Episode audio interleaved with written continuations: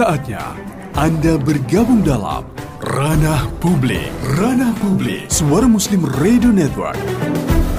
Sampaikan opini Anda. Telepon 031 5624 555. WA 0855 3000 938. Live chat channel YouTube Suara Muslim TV. Dipersembahkan oleh suaramuslim.net. Assalamualaikum warahmatullahi wabarakatuh. Suara Muslim Radio Network. Mitra Muslim Alhamdulillah Jumat yang penuh dengan semangat ya Di hari ini. Mm-hmm. saya Muhammad Nasir. Saya Siti Aisyah yang bersama Anda dalam program Ranah, Ranah Publik. Publik Oke, Mitra Muslim sejumlah lembaga pendidikan ini menyatakan kecewa mm -hmm. kepada pemerintah dan juga DPR karena pasal pendidikan ternyata masih ada dalam Undang-Undang Cipta Kerja. Adanya pasal pendidikan dalam Undang-Undang Cipta Kerja sama saja memasukkan pendidikan dalam komoditas yang diperdagangkan dalam tanda kutip. Oke, benarkah seperti itu dan mengapa pasal ini masih ada padahal beberapa waktu yang lalu DPR sudah mengatakan klaster pendidikan Betul. sudah dicabut dari Dijanjikan omnibus. Dijanjikan seperti itu. Betul sekali. Kita akan diskusikan pagi ini Mitra Musim ya. Ya, betul dengan tema Pasal, Pasal Selundupan Komersialisasi Pendidikan di Omnibus Law.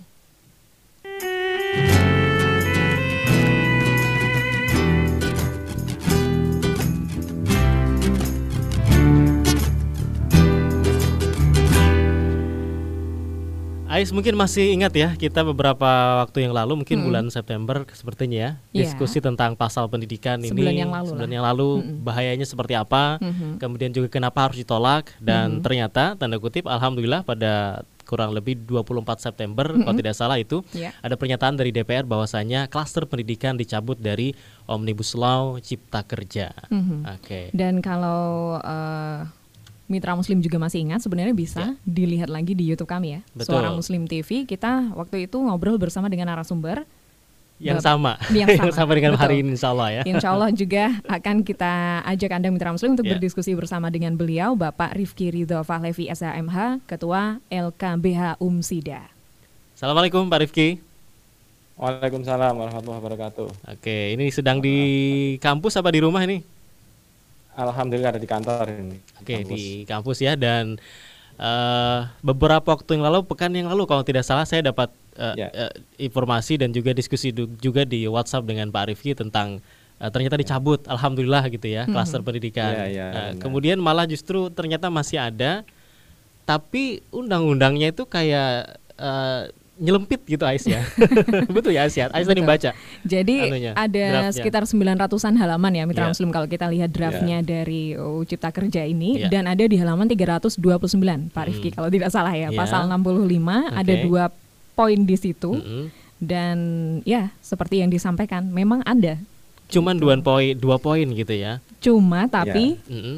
itu intinya yang uh, bermasalah. Bermasalah. Oke, okay. benarkah seperti itu Pak Rifki ini benar-benar bermasalah meskipun hanya dua pasal gitu ya atau dua poin disampaikan Ais tadi dalam uh, eh, 900 halaman. Iya, saya sama screenshot kok itu. Iya, okay. Saking susahnya nyari halamannya. Iya, silakan Pak Rifki. Saking susahnya ya. Hmm. Betul. Oke. Okay. Bismillahirrahmanirrahim. Uh, Assalamualaikum warahmatullahi wabarakatuh. Waalaikumsalam warahmatullahi wabarakatuh. Uh, apa kabar semuanya? Semoga sehat walafiat semuanya dalam bimbingan Allah. Uh, apa dikatakan oleh Mas Bayu tadi seperti itulah ya. Sebenarnya kami pun di LKB Umsida hmm. awalnya merasa bahagia gitu, merasa hmm. bahagia, ya, sukses ya, hmm. kita sampaikan ke teman-teman pendidik, ke teman-teman pengelola pendidikan yang lain. Kebetulan Umsida setelah mengeluarkan pernyataan untuk uh, ke DPR ya, hmm. meminta pencabutan RUU apa bukan klaster pendidikan ya khususnya di tadi RUU Omnibus Law itu kita uh, diundang oleh beberapa lembaga pendidikan dan kita juga berkolaborasi dengan PP Muhammadiyah karena hmm. memang kita berada dalam naungan PP Muhammadiyah untuk uh, melakukan gugatan bersama dalam tanda kutip ya, iya. mengajukan tuntutan bersama untuk uh, di dicabut. Jadi setelah kita mengajukan terus kemudian kita mengajukan lagi tapi secara bersama-sama dengan berbagai elemen organisasi kemasyarakatan ada NU di dalamnya ada hmm. LPP Ma'arif ya, ya khususnya terus kemudian ada uh, eh, PP Dikti ya Dikti Muhammadiyah dan hmm. beberapa yang lain termasuk Taman Siswa yang hari ini uh, bersama Muhammadiyah bersama uh, eh, LPM Ma'arif ya uh, LPP Ma'arif uh, sama-sama menyatakan pendapat yang sama kita menolak undang-undang ini kalau memang ini disahkan hmm. uh, dan kita akan melakukan perjuangan konstitusional Oke, okay. akan melakukan judicial review ya ke Mahkamah Konstitusi. Itu. Iya, insya Allah seperti itu. Hmm. Yeah. Tapi kan kita tentunya akan uh, mengkaji lebih jauh nantinya seperti apa karena memang kita harus uh, berhitung dalam-dalam.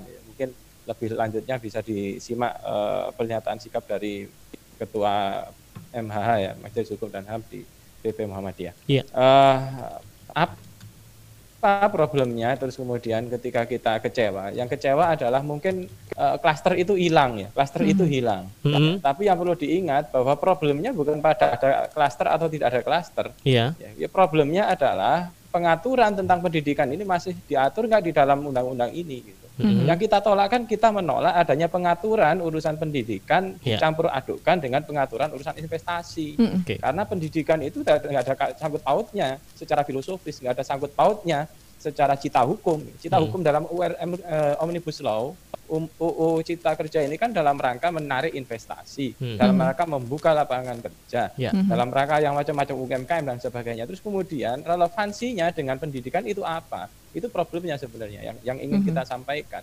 Ya terus kemudian dilalah ya kita lihat kemarin kan maaf ya Mas yeah. uh, Mbak kalau kita lihat yang dokumen yang berseliweran di media, hmm. dokumen yang berseliweran di media itu kan macam-macam itu.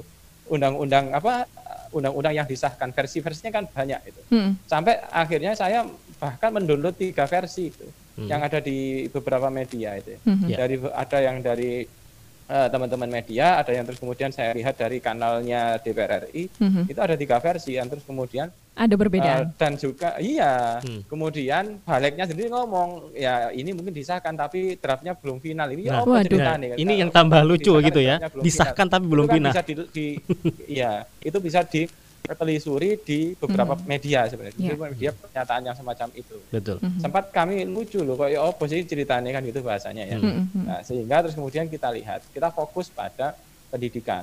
Kita fokus pada pendidikan. Akhirnya sampai saya cari paling tidak satu lah ada satu draft yang menyatakan bahwa memang klasternya hilang, tapi terus kemudian hal ini diatur dalam paragraf tersendiri, ya kan? Mm-hmm. Bahasanya ada di paragraf tersendiri, mm-hmm. yakni di pasal 65 mm-hmm. yang yeah. disampaikan oleh Mbak tadi ya, mm-hmm. di pasal 65 bahwa di sana halaman 329. Iya, ada yang ini. di pasal 65 mm-hmm. ada dua ayat. Yeah.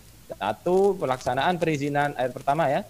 Yeah. Pelaksanaan perizinan pada sektor pendidikan dapat dilakukan melalui perizinan berusaha. Mm-hmm sebagaimana dimaksud dalam undang-undang ini. Okay. Ya, yang dimaksud dalam undang-undang ini bahwa pelaksanaan uh, yang disebut dengan perizinan berusaha itu kaitannya dengan konsep perizinan yang di, digunakan, yang di uh, yang di apa yang ditata diatur untuk konteks investasi bisnis, untuk konteks, ya uh, usaha untuk konteks pelaku-pelaku uh, ekonomi mm -hmm. sehingga terus kemudian nah ini kan sebenarnya yang secara secara mendasar kami tolak Ya, konsep hmm. perizinan berusaha yang diterapkan di pendidikan ini yang secara mendasar kami tolak. Kenapa kami tolak?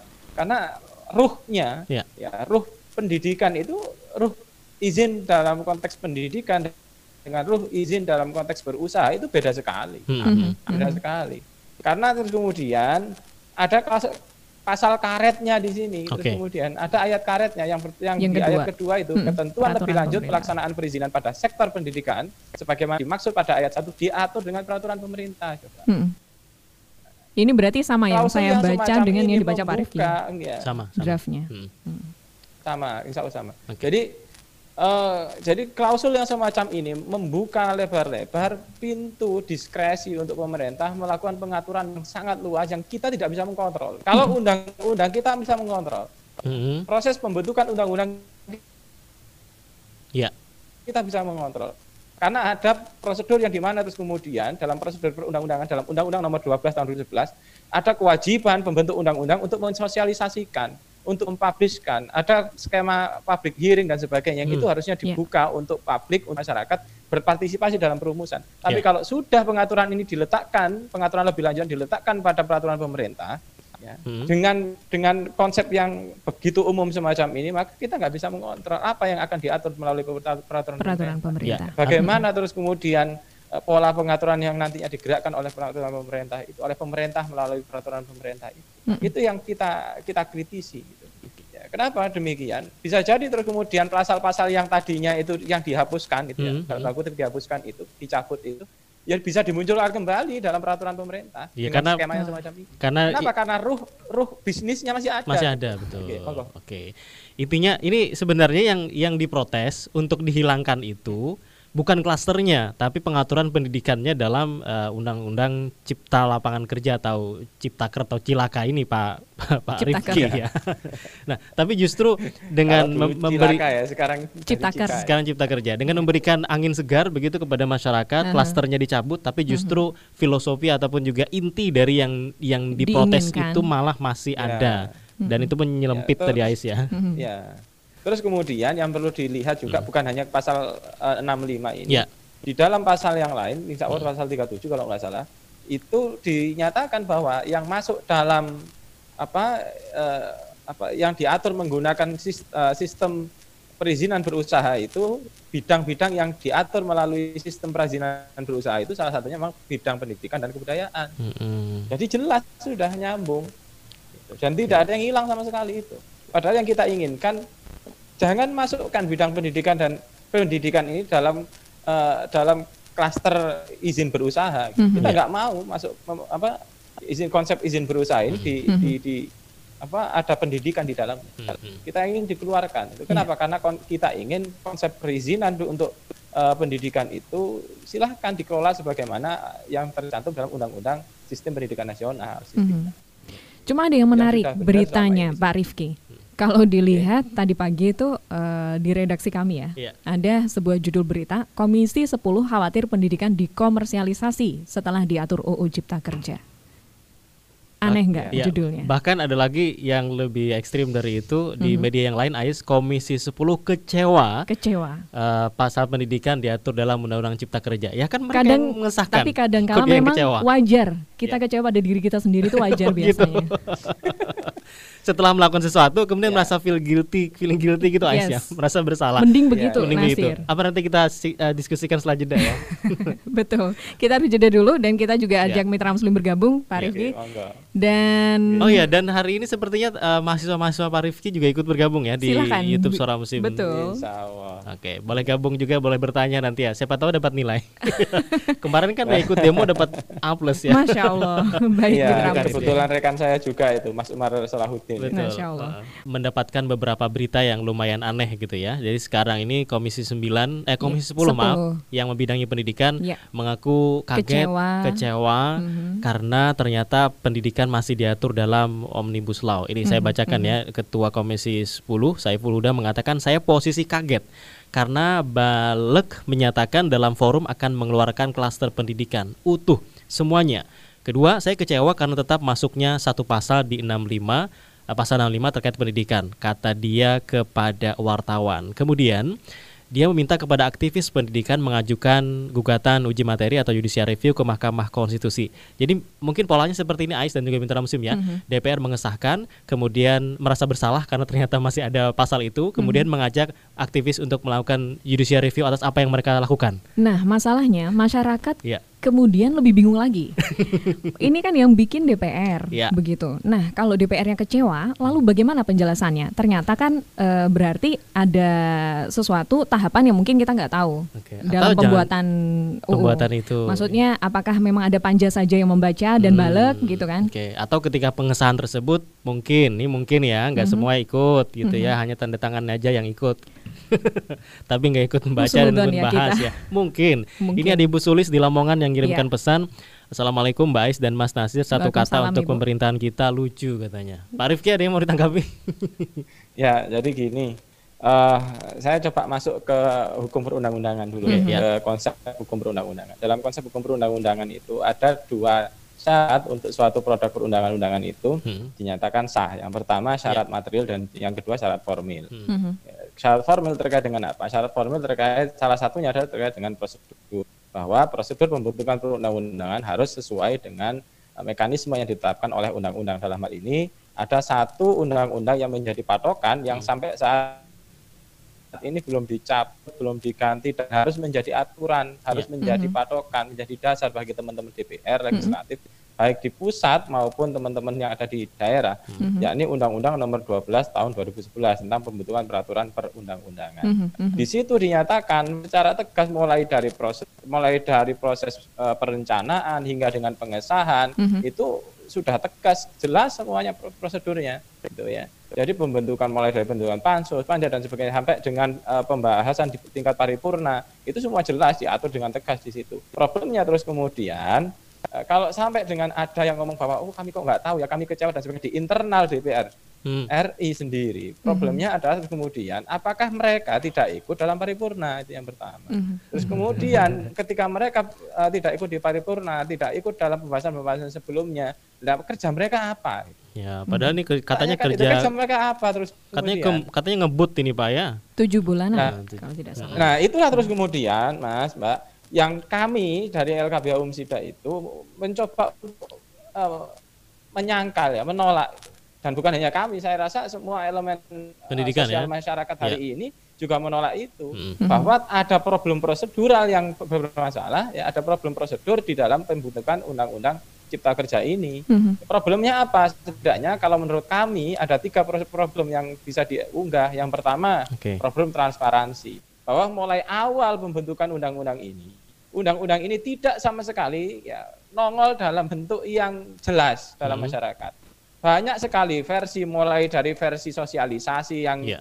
hanya sekelumit, mulai mm -hmm. versinya pemerintah, versinya apa namanya tim DPR itu mm-hmm. nggak mm -hmm. jelas kita maaf ya, tolong sampai dengan bulan Maret ya saya rasa ya terakhir mm -hmm. sampai dengan bulan Maret kalau nggak salah ya uh, mau masuk uh, pernyataan pandemi itu, yeah. itu kita hanya punya uh, kita punya beberapa naskah ya, naskah mm -hmm. yang yang saling bersiliweran nggak jelas ini sih benar sih di kan hmm. gitu kan ya. hmm. sehingga terus kemudian dari situ kita baru baru bisa membuat pernyataan-pernyataan yang sifatnya secuil-secuil karena memang kita tidak cukup bahan untuk membahas itu itu hmm. yang pertama okay. kita bicara tentang transparansi transparansi, transparansi politik terkait dengan pembahasan ini yeah. yang kedua partisipasi problemnya ada problem partisipasi hmm. bahwa uh, dalam Undang-Undang Nomor 12 tahun tahun 2011 di sana dinyatakan adanya hak partisipasi publik, yeah. ada hak partisipasi masyarakat untuk terlibat dalam proses uh, pembuatan undang-undang. Hmm. Dalam bentuk apa? Dalam bentuk satu, bisa dalam bentuk public hearing. Hmm. Dalam bentuk public hearing artinya apa? Teman-teman DPR RI harus turun ke masyarakat, turun ke bawah, mensosialisikan itu dan meng mengunggah dalam artian apa mendengar ya yeah. dan mendengar kira-kira apa sih masukan dari naskah yang diterima oleh masyarakat itu hmm. itu yang harusnya di, di, dilakukan oleh teman-teman DPR, DPR RI. Tapi kalau kita mendengarkan di beberapa uh, kemarin kan ada perdebatan di media media hmm. elektronik itu kan dia yeah. menyatakan salah satu uh, apa namanya uh, panitianya ya panitia kerja atau pansusnya itu dia menyatakan bahwa oh ini sudah kok melalui beberapa tahapan dan kita semua sudah lakukan dengan dengan dengan uh, dengan formal ya hmm. dengan sesuai lah ya sesuai dengan apa yang ada dalam tahapan-tahapan berdasarkan Undang-Undang Nomor 12 Tahun 2011. Ya. Pertanyaannya terus kemudian itu pernyataan mereka. Problemnya kepada siapa mereka sosialisasi? Secara secara uh, administratif mungkin itu dilakukan, tapi kan ya. bisa saja terus kemudian apa yang dilakukan itu tidak dalam tanda kutip ya, tidak merepresentasikan kebutuhan atas undang-undang eh, kebutuhan masyarakat atas undang-undang itu.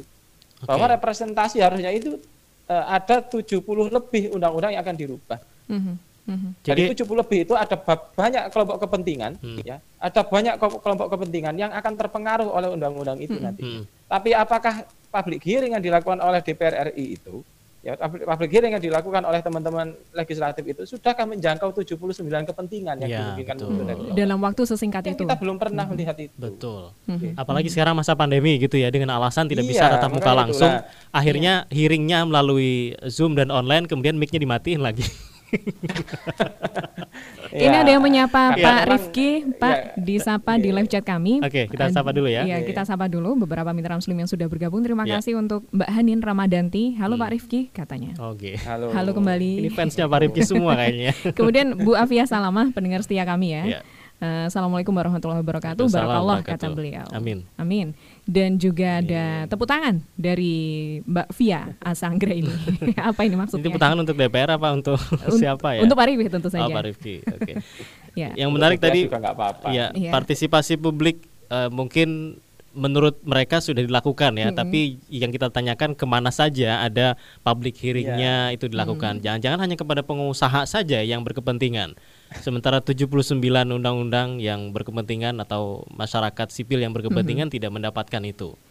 Oke, berarti ada ada problem apa lagi Pak? Tadi selain uh, transparansi, partisipasi? Ya, transparansi, partisipasi yang dan yang ketiga, yang terakhir bagi kami ada problem yang disebut dengan problem akomodasi. akomodasi. Bahwa satu undang-undang itu harus melak, uh, harus di dalamnya harus ada yang disebut dengan akomodasi. Akomodasi artinya menampung ya, menampung masukan, menampung catatan, menampung nilai-nilai kepentingan-kepentingan yang beragam dalam masyarakat.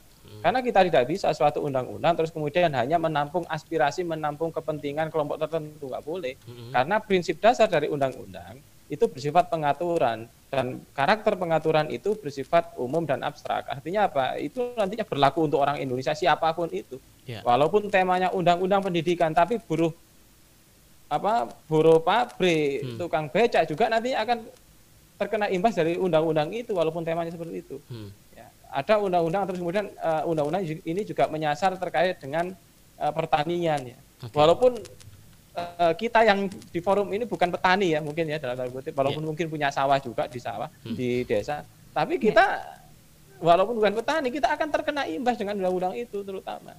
Gitu. Sehingga terus kemudian setiap pembuatan undang-undang itu harus bersifat akomodatif, harus menerima, harus menampung berbagai saran masukan dari pihak-pihak yang berkepentingan. Itu yang terus kemudian bagi kami undang-undang ini sangat tidak akomodatif, sangat tidak akomodatif. Uh, yang saya sampaikan yang kita bahas hari ini mungkin hanya berkait terkait dengan pendidikan. Dalam konteks pendidikan saja sudah terlihat tidak akomodatifnya undang-undang ini. -hmm. Apalagi terus kemudian ketika kita bicara tentang klaster ketenaga kerjaan, mm -hmm. ada uh, kita bicara tentang konsep perizinannya, mm -hmm. kita bicara tentang uh, uh, pertanian ya, kita bicara tentang yeah. konsep perpajakannya. Ada pasal yang lucu dalam dalam pengaturan perpajakan. Ya. Itu Mungkin juga nanti, dinilai selundupan juga, tapi sudah dapat ya. konfirmasi dari Bu Sri Mulyani kalau itu bukan selundupan. Artinya ya, benar-benar iya, bikin. Ada, betul. Iya. Karena di dalam pasal terkait dengan perubahan pajak itu lucu gitu. Hmm. hmm. Ada yang namanya uh, apa? Ya mungkin di luar bahasan kita ya. Hmm. Uh, ada yang namanya gratifikasi di situ muncul kata gratifikasi. Wah. Kok gratifikasi dipajaki iki bicara nih? Gitu. Padahal gratifikasi jelas-jelas sesuatu dalam konteks iya. undang-undang itu sesuatu yang haram. Okay. Bagaimana terus kemudian negara memajaki barang yang haram? Jadi dilegalkan ya. Tapi kan, ada itu kan sesuatu yang terus kemudian lucu. Iya, mohon maaf Pak Riki, Pak Rifki, mohon maaf. Ini hmm. tapi ada yeah. juga pernyataan dari Kemenkominfo kan ya, yeah. yang juga hmm. menyampaikan bahwa hati-hati loh masyarakat. Hmm. Ada fakta ada hoax juga terkait dengan omnibus law yeah. Yeah. dan yang dikeluarkan yeah. memang uh, secara khusus karena memang yang besar pendemonya begitu Dari masalah buruh, ya. ketenaga ya? kerjaan hmm. sehingga ada ini kalau tidak salah ada tujuh poin yang disampaikan oleh Kominfo terkait dengan itu. Hmm. Tapi kalau kita kembali ke tema kita masalah pendidikan, hmm. ini jelas bukan hoax kan ya? Bukan hoax. Dan apa yang saya sampaikan terkait dengan uh, pasal tentang gratifikasi tadi itu tentang yeah. pajak apa salah gratifikasi sebagai salah satu objek pajak itu juga bukan hoax. Hmm. Dalam artian itu bisa ditelusuri dalam naskah, dalam okay. draft yang disebarkan di uh, semua di naskah itu. versi. Iya, itu di ada ada dalam naskah. Hmm. Kalau terus kemudian dinyatakan ini hoax, ini hoax berarti naskah yang disebar ke publik itu hoax. Okay. Kalau ah. naskah yang disebar ke, ke publik itu hoax, maka sumber hoax utama adalah yang menyebarkan naskah. Okay. Nah. Ya, ini siapa yang menyebarkan naskah? Enggak mungkin terus kemudian menyebarkan naskah itu tukang becak. Nah. Yang menyebarkan naskah itu otomatis dia yang punya naskah. Ya. Gitu. Dan kalau kita bicara tentang dia yang punya naskah hari ini, ya satu-satunya yang punya naskah itu sebenarnya ada teman-teman DPR dan teman-teman pemerintah. Oke. Okay. Gitu, Kok jadi ingat uh, statementnya Rocky Gerung ya? Sumber hoax itu ada di mana gitu. ya, Pak Rifki, ini juga menarik kalau misalnya tadi ada uh, yang di-share itu adalah hoax, uh, sehingga benar apa yang dikatakan oleh uh, balik kemudian bahwasanya ini sebenarnya belum final ta tapi sudah disahkan gitu ya kan lucu juga jadinya yang di share ini kan ya. belum Bukan final. disahkan sih, tapi disetujui ya bersama. disetujui bersama, hampir ya. disahkan. 30 hari lagi. Setelah presiden uh, tanda tangan, tanda kalau nggak mau tanda ya. tangan 30 hari tetap okay. akan sah kan? Oke, ini semakin okay. menarik kayaknya tadi Aisyah diskusi kita. Tapi kita harus jeda dulu kayaknya. Uh, nanti oh, masih nanti. ada 4 menit insya Allah. okay.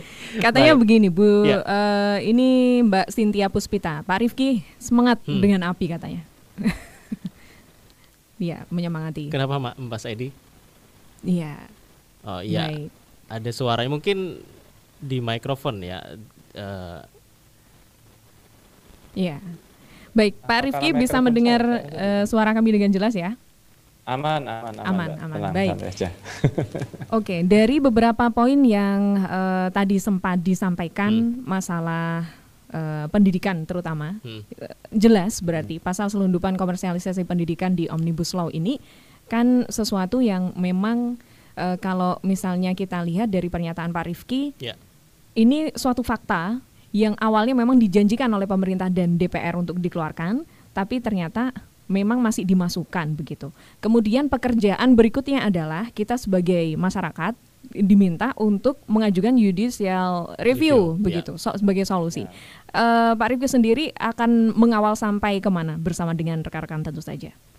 Ya, jadi gini, uh, ketika kami mendengar bahwa yang pertama bahwa undang-undang ini disahkan, ya, kami kaget gitu ya. Kagetnya mm -hmm. satu, tidak eh, jarang sekali ya. Ada dua undang-undang yang begitu, ada tiga undang-undang yang sangat kilat dibuat. undang Undang-undang tentang MK yang juga dibuat di masa pandemi ini, ya. undang-undang tentang uh, Minerba juga dibuat di masa pandemi ini dan yang terakhir hari ini undang-undang hmm. tentang cipta kerja yang dibuat di masa pandemi juga. Yeah.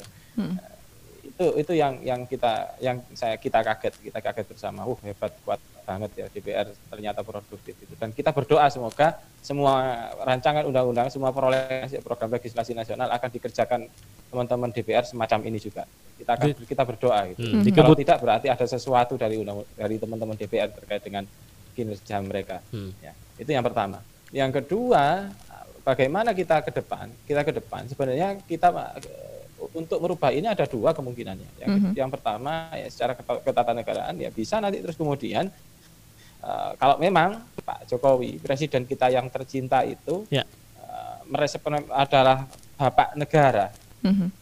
bapak e wong wong sak Indonesia. Gitu. Hmm. Harusnya mereka ya Pak Jokowi ya punya kewenangan untuk mencabut ini dengan cara apa? Menerbitkan peraturan pemerintah pengganti undang-undang. Cuma ya. dari awal ini kan bukannya harapan dari beliau begitu Pak? Nah makanya itu sebagai pimpinan negara, kepala negara kan ada yang disebut dengan uh, tadi itu ya dia merepresentasikan siapa sebagai kepala negara. Mm -hmm. Sekarang kita lihat yang melawan ini itu bukan tidak bukannya terus kemudian hanya kelompok tertentu kok kalangan tertentu tidak itu hampir semua mm -hmm. elemen rakyat itu menolak ini. Kepala ya. daerah juga Kalau banyak kita, yang menolak. Kepala daerah juga menyatakan mm -hmm. menolak sudah ada beberapa itu artinya apa? Ini nih anak-anaknya itu itu sudah menyatakan Pak tolong jangan di lanjutkan undang-undang ini. Mm-hmm. Nah sekarang kita tunggu. Ya. Bapak kita yang tercinta itu apakah dia masih menjadi bapak yang terkasih atau kemudian dia akan menjadi bapaknya orang lain gitu. Ya. Oke. Okay. Yang kita harus kita, ya. kita lihat itu yang pertama. Kalaupun terus kemudian Pak Jokowi tidak bisa atau tidak berkenan menerbitkan Perpu, hmm. maka langkah yang bisa kita lakukan ya memang melakukan judicial ya? review hmm. dan proses hmm. lagi. Gitu terus ya. kemudian ketika kita melakukan judicial review, memang kami di LKBA Umum sendiri sudah ada komitmen dari Pak Rektor bahwa kita akan maju kalau memang hmm. kita hmm. uh, kalau memang itu diperlukan. Yeah. Tapi memang kita akan berkoordinasi dengan pimpinan pusat Muhammadiyah dalam hmm. hal ini okay. karena memang kita di bawah bendera pusat Muhammadiyah. Hmm. Apakah kita akan berkoalisi dengan teman-teman LPP Ma'arif, hmm. teman-teman Taman Siswa, uh, Taman apa siswa. namanya itu uh, Taman Siswa ya. Insya Allah kita akan berkoordinasi dengan mereka karena mm -hmm. uh, kemarin ketika kita mengajukan pembatalan atau kita mengajukan uh, tuntutan untuk pencabutan uh, klaster pendidikan kita juga bersama-sama mereka sehingga mm -hmm. kemudian kita tidak akan tidak akan melaku sendiri bahasanya kita mm -hmm. akan jalan sendiri otomatis kita akan tetap koordinasi karena akan lebih baik kalau memang gerakan ini kita kawal bersama mm -hmm. dari seluruh elemen sehingga nantinya fokus goalnya akan mm -hmm. kita Masya Allah. Kalau kami sendiri mungkin mm -mm. Uh, jadi pengalaman Muhammadiyah kan sudah memiliki pengalaman panjang melakukan judicial review. review. Betul. Ya, kami sudah terbiasa dengan konsep jihad konstitusi hmm. sehingga terus kemudian insya Allah kami ada pengalaman yang baik yang bisa kita lakukan hmm. untuk uh, bekerja bagi kepentingan umat hmm. ya kaitannya dengan bagaimana RUU ini bagaimana undang-undang ini nantinya bisa hmm. uh, dibatalkan. Oke. Okay.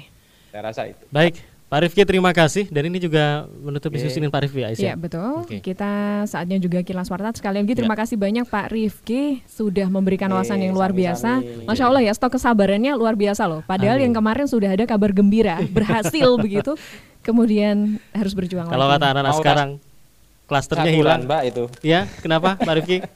luar biasa Pak Rifki. Mau tasyakuran itu. Oh. Mau tasyakuran. Ditunda berarti, dipending dulu. Hmm.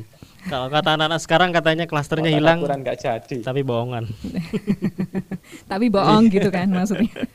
Nanti uh, insya Allah di lain kesempatan ya. Betul. Kita akan bahas. Semoga ada iya, kabar amin, gembira Allah, dengan optimisme yang kita punyai bersama ya Pak. Hmm. Semoga lain kesempatan diskusi amin, dengan Pak Rifki ini Presiden sudah mengeluarkan amin. Eh, peraturan untuk me membatalkan ini amin. atau pas waktu judicial review-nya nanti. Ya, baik. Semoga sehat selalu ya, Pak Rifki bersama dengan kolega di Universitas Muhammadiyah Sidoarjo semua mahasiswa. Assalamualaikum. Okay. Waalaikumsalam warahmatullahi Terima kasih doanya. Sama-sama. Ya. Baik, terima kasih Mitra Muslim. Kayaknya kita harus menutup diskusi kita Ais ya. Betul. Hmm. Dan Mitra Muslim, terima kasih sekali lagi Anda sudah bersama Ranah Publik. Terus hmm. simak Ranah Publik setiap hari Senin sampai Jumat ya. Betul. Dan segenap mitra siar yang bertugas produser eksekutif Raga Satria, Elsa Khairunisa di Gatekeeper, videografer Edi Haryanto dan saya Muhammad Nasir. Saya Siti Aisyah pamit undur diri. Terima kasih telah mendengarkan dan juga menyimak kami di Suara Muslim TV. Subhanakallahumma wa bihamdika nasyhadu alla ilaha illa anta nastaghfiruka wa natubu ilaik. Maha suci Engkau ya Allah dan segala puji bagimu. Kami bersaksi tiada Tuhan yang berhak diibadahi selain Engkau. Kami mohon ampun dan bertaubat kepadamu. Wassalamualaikum warahmatullahi wabarakatuh.